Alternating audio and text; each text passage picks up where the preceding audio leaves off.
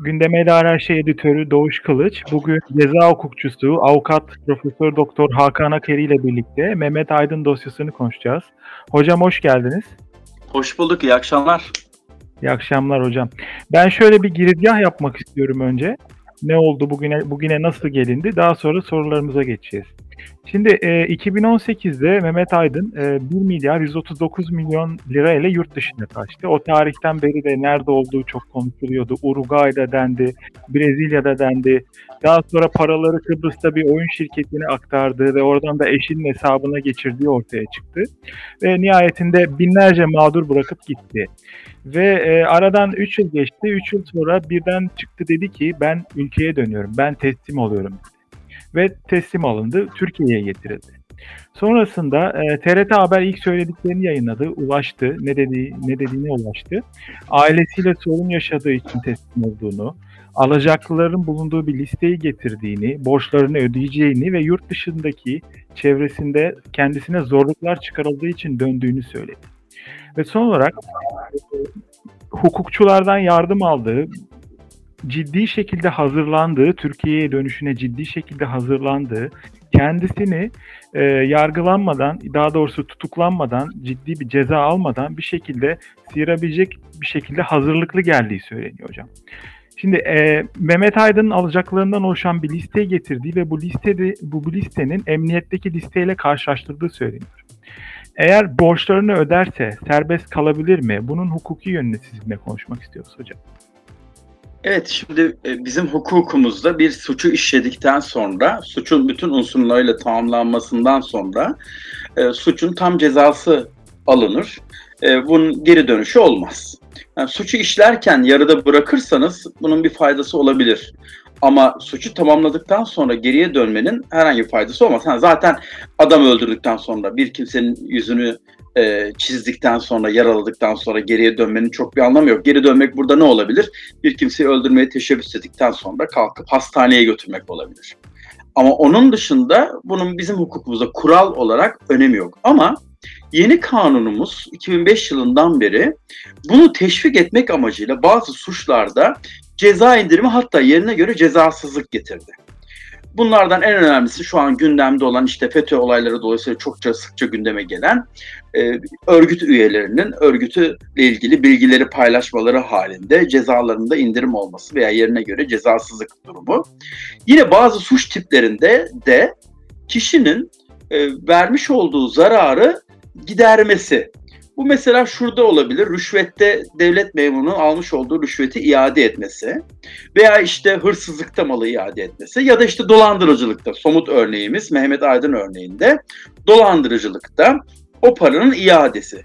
Şunu söyleyeyim yani ben hırsızlığımı yaptım, rüşvetimi aldım, e, yakalanınca da iade eder kurtulurum. Böyle bir şey yok. E, nedir peki var olan? Kanun ayrım yapmış. Diyor ki hiç soruşturma başlamadan sen kalkıp da yerine göre tabii ki her suç tipi açısından farklı farklı şeylerden bahsediyorum. Her birini ayrı ayrı değerlendirmek lazım. Bir bütün olarak bütün suç tipleri için söylemiyorum ben bunu. Diyor ki ben bu suç ortaya çıkmadan sen kalkıp dersen ki ben şunları şunları yapmıştım pişman oldum. O zaman sana hiç ceza vermeyebilirim.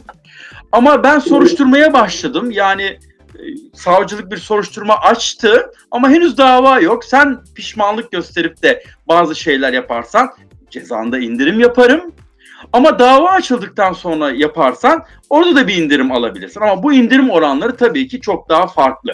Hiçbir şey duyulmadan kalkıp sizin pişmanlık göstermenizde alacağınız indirim yerine göre cezasızlık olabilir.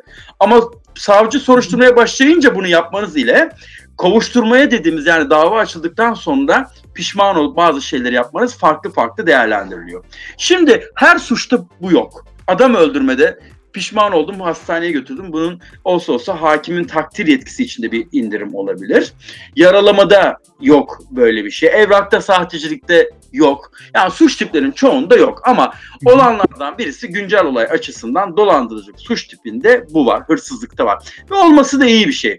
Neden iyi bir şey? Çünkü siz bazen hırsızı yakalıyorsunuz, cezalandırıyorsunuz ama adamın malı gitmiş. Yani hırsızın aldığı cezanın ona çok büyük bir faydası yok. Belki manevi bir tatmin sağlıyor. Ama e, malı gitti. Giden malla kalındı. E sen ne yapabilirsin? Git tazminat davanı aç. Bu malı ondan al. İyi de adam zaten hırsız. Malı mülkü yok. Şusu busu yok. Ben davayı kazansam da bu adamdan bu malı nasıl tahsil edeceğim? Bu parayı nasıl alacağım?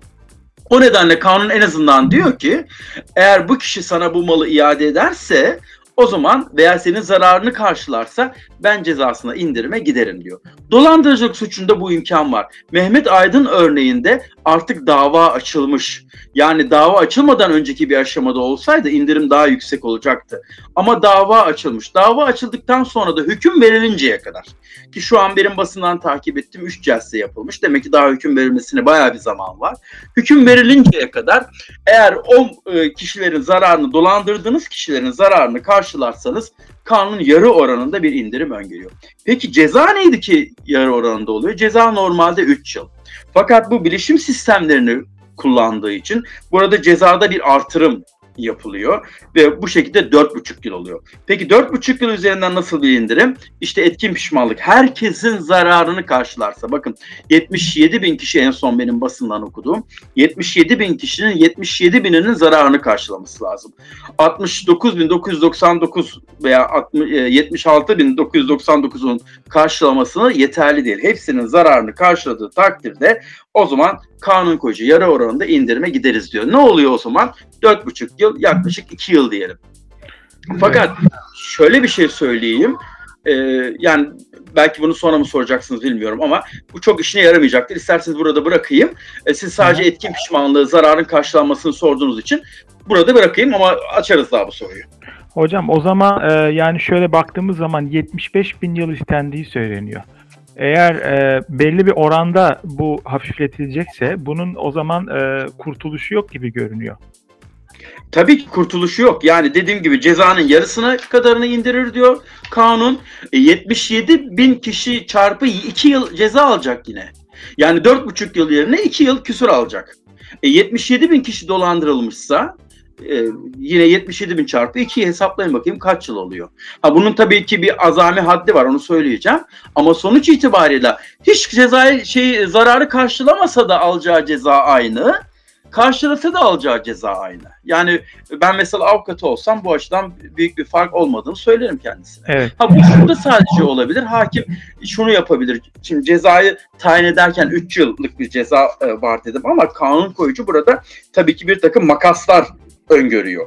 Bu makasları öngörülmesi durumunda da e, mesela e, 7 yıla kadar, 7,5 yıla kadar da çıkabiliyor ceza. Ya, o zaman ka- e, hakim e, 4,5 yıl vermeyip daha fazla ceza verebilir. Ama ne yapmış zararı da karşılamışsa o zaman daha az ceza tayini yoluna gidebilir. Evet. Hocam hazırlıklı gelmiş dedik ya hani hazırlıklı olduğu söyleniyordu. Yani bu kadar ceza isteniyorken bunu bunu biliyordu tabii bu şekilde ceza isteneceğini kendisine. Ne, neye güvenip de gelmiş olabilir Türkiye'ye? Valla ben de gerçekten bu konuda e, izahta güçlük çekiyorum. Çünkü sonuç itibariyle karşı tarafın zararını karşılasa da karşılamasa da e, bu kişinin Türkiye'de 28 yıl yatarı var. O da 28 e, cezaevinde iyi halli olmak kaydıyla. Yani otomatik olarak 28 yıl yatacak diye bir şey yok. Yani 70 bin yıl ceza da alsa bizim sistemimize göre bunun azamisi 28 yıldır. E, peki hocam zararları karşıladı bu 28 yıl inmez mi? İnmez. Çünkü sonuçta dediğim gibi 2 yıl çarpı yine 77 bin. E, yine o en fazla azami olarak ne olacak? 28 yılda kalacak. O nedenle e, çekmesi gereken ceza 28 yıldır. Burada bu kişilerin zararını karşılaması onu tazminat davalarından kurtarır. Ceza hukuku açısından çok işine yarayacağını düşünmüyorum. Ama genelde benim işte bu 2-3 gündür takip ettiğim herkesin söylediği ya 2 yılda çıkar, 5 yılda çıkar, 10 yılda çıkar. Ee, böyle bir şey ancak bir af halinde söz konusu olabilir. Yani bir af çıkarsa ki e, Türkiye'de e, af çıkma ihtimali zayıf bir ihtimal değil. Yani en geç 10 yılda bir afların çıktığını görüyoruz. E, belki böyle bir şey e, düşünmüş olabilir. E, ben geçenlerde şunu okudum. E, diyor ki bu kimsenin yaklaşık 20 milyar dolar bir mal varlığı var. 20 Mehmet milyar Aydın. dolar mal varlığı var ama 800 milyon milleti zarara uğratmış. 20 milyarın 20'de birini ödese bu zararı öder. E bu zararı ödedikten sonra da bir iki yıl kalır çıkar diyor. E ben bu yoruma katılmıyorum. Zararı her halükarda ödesin tabii ki. Bu bunun bir zararı yok. Kendisine yararı da var ama sonuçta bu 28 yıl yatacağı gerçeğini değiştirmiyor. O nedenle bana daha çok bu hani e, yurt dışında da e, zorluk çektiği, e, belki yakalanacağını hissettiği ve hiç olmazsa erkeklik bende kalsın, ben teslim olmuş olayım diye e, düşünüyorum. Ya da yurt dışında yaşamayı gerçekten zorluklarıyla karşı karşıya kaldığı için. Yoksa avukatları bilgi verdi, ceza hukuku açısından e, kurtaracağı yönleri var. Bakın ben size şu örneği vereyim. Bu Titan, e, meşhur Titan örneği neydi adamın ismi? Ferrari'li bir adamdı. Unuttum ismini şimdi. Hakan Ferhan mıydı? Benim adaşımdı herhalde. Onun e, aldığı ceza çok e, fazla bir cezaydı. Yani ben şu an tam hatırlamıyorum ama 50-60 yıllık yanlış hatırlamıyorsam bir ceza almıştı. Aynen benzer bir olaydı. E, dolayısıyla yani burada e, öyle kolay kolay kurtulacak e, diye bir şey söyleyemeyiz. O cezaevinden çıktı ama afla çıktı. Yani e, cezanın tamamını yatarak değil afla çıktı. Evet. Kenan Şeranoğlu muydu hocam? evet evet doğru Hakan değil Kenan Şeranoğlu'ydu. Veya hatta ben belki yanlış hatırlıyorum cezaevinde ölmüş müydü neydi? Yani o da olabilir tam hatırlamıyorum ona bakmak lazım. Evet. Hocam e, şey vardı bir de e, daha sonra gireriz dediğiniz bir kısım vardı. E, neydi da tam olarak orası? Ya bu söylediğim şey 28 yıl meselesi. Yani evet etkin pişmanlıktan yararlanır. Cezası yarı oranında iner.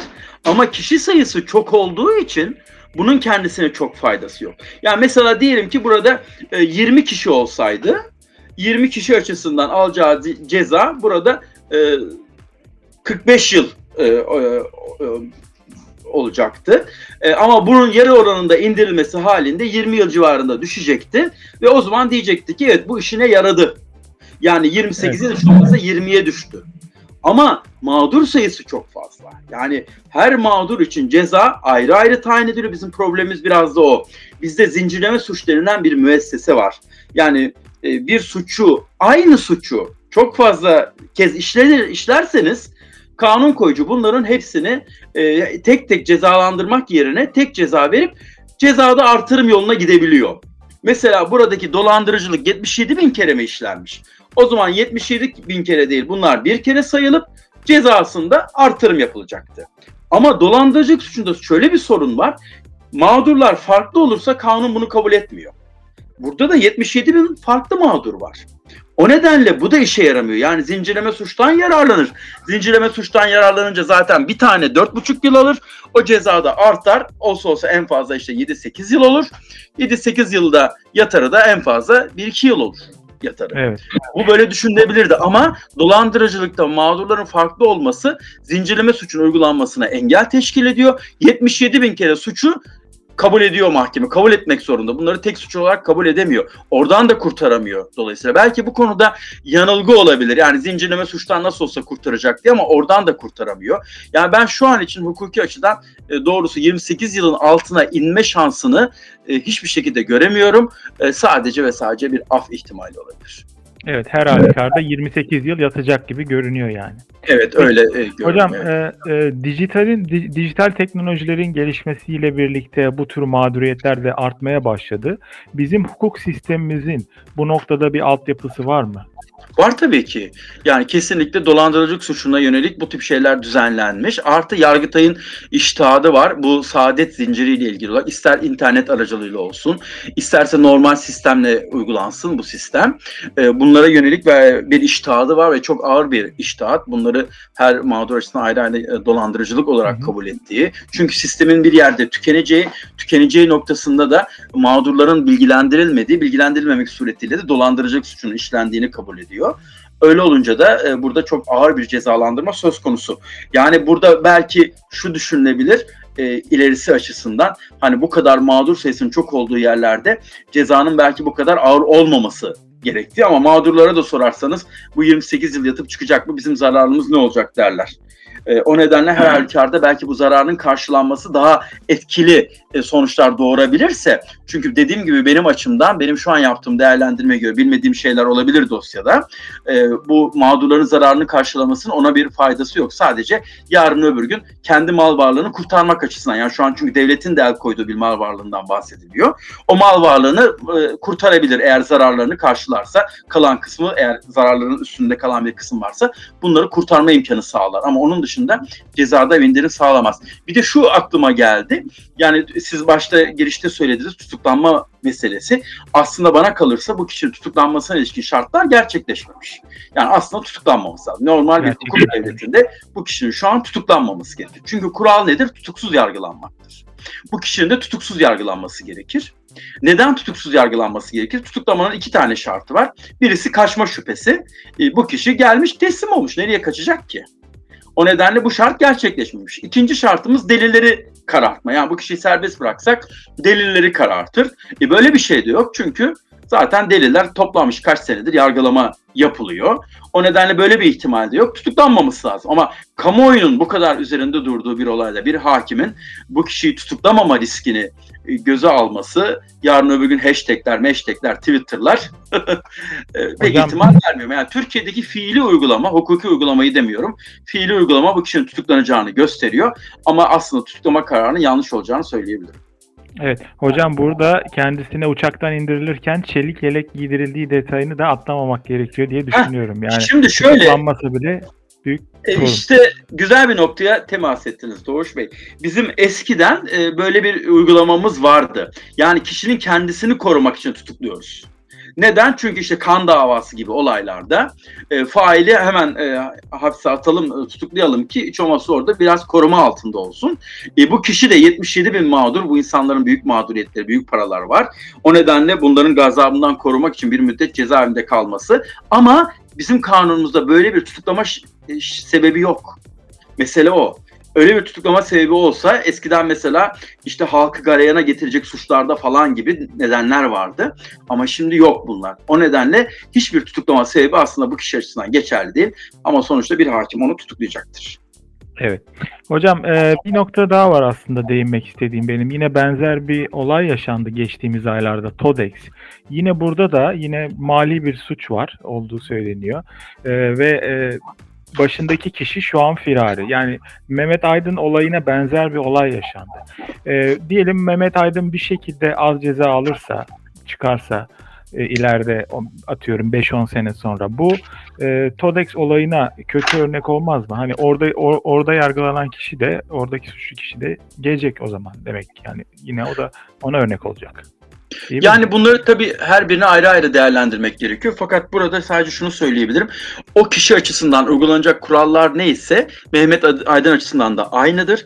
Dolayısıyla orada da en azından bir 100-200 tane mağdur varsa o kişi de 28 yıl yatacak. Yani o geldi 5 yılda çıktıysa o zaman büyük bir ihtimalle Mehmet Aydın da 5 yılda çıkar. Neden? Çünkü orada bir af çıkmış olabilir. Kanunda bir değişiklik yapılmış olabilir. Lehe bir değişiklik olabilir. Ama ben e, bunu beklemiyorum. Neden beklemiyorum? Çünkü dolandırıcılıkla ilgili son yıllarda e, lehe değişiklik yerine hep cezanın artırımı söz konusu oldu. Çünkü Türkiye'de çok çok bu konular çok yaygınlaşmaya başladı. Çok sayıda mağdur var. O nedenle ben dolandırıcılıkla ilgili cezalarda bir indirim beklemiyorum. Hatta böyle giderse dolandırıcılık e, bir af çıktığında dolandırıcılık bunun kapsamı dışında dahi tutulabilir. Çünkü çok mağdur var. Yani hiçbir hükümet bunu göze alamaz. O nedenle ben e, Hatta yani dediğim gibi afla çıkma ihtimali var ama öyle bir şey olabilir ki bu af kapsamı dışında dahi tutulabilir. Tabii bu bir siyasi karar. Ben sadece tahminimi söylüyorum. Bu arada şunu da söyleyeyim. Bir örgütten bahsediliyor. Ee, yani bunun aynı zamanda bir örgüt yöneticisi olduğu, örgüt kurmaktan ve yöneticisi olmaktan dolayı da e, ceza alacağı söyleniyor. Ama bu da bizim maalesef uygulamamızın e, hastalıklarından birisi. Her şeyi örgüte sokmak. Burada örgüt yok. Benim görebildiğim kadarıyla örgüt yok. Çünkü örgüt değişik suçların işlenmesi için süreklilik arz eden ve hiyerarşik bir bağlantının olduğu. Yani bu Mehmet Aydın düşünün ki bir mafya patronu gibi herkesin üzerinde söz sahibi olacak. Onun sözü dışına çıkılamayacak. Öyle bir konumda olursa biz örgütten bahsedebiliriz. Halbuki bunlar iştirak halinde suç işlemişler. E niye örgüte sokuyor bizim yargımız? E her şeyi örgüte sokuyor. Neden? Çünkü örgütlerle ilgili özel e, bir takım yetkiler doğuyor. O özel yetkilerden yararlanabilmek için önce her şeyi bir örgüte sokalım. Ama ben Mehmet Aydın'ın örgütten ceza almayacağını düşünüyorum. Alsa veya almasa ne fark eder? 28 yılın üstüne ne eklenir ne azalır. 28-28'dir. Peki çok teşekkür ederiz. Profesör Doktor Hakan Akeri ile birlikte Mehmet Aydın dosyasını konuştuk arkadaşlar. Hocam tekrar teşekkürler. İyi akşamlar. Rica ederim. İyi akşamlar herkese.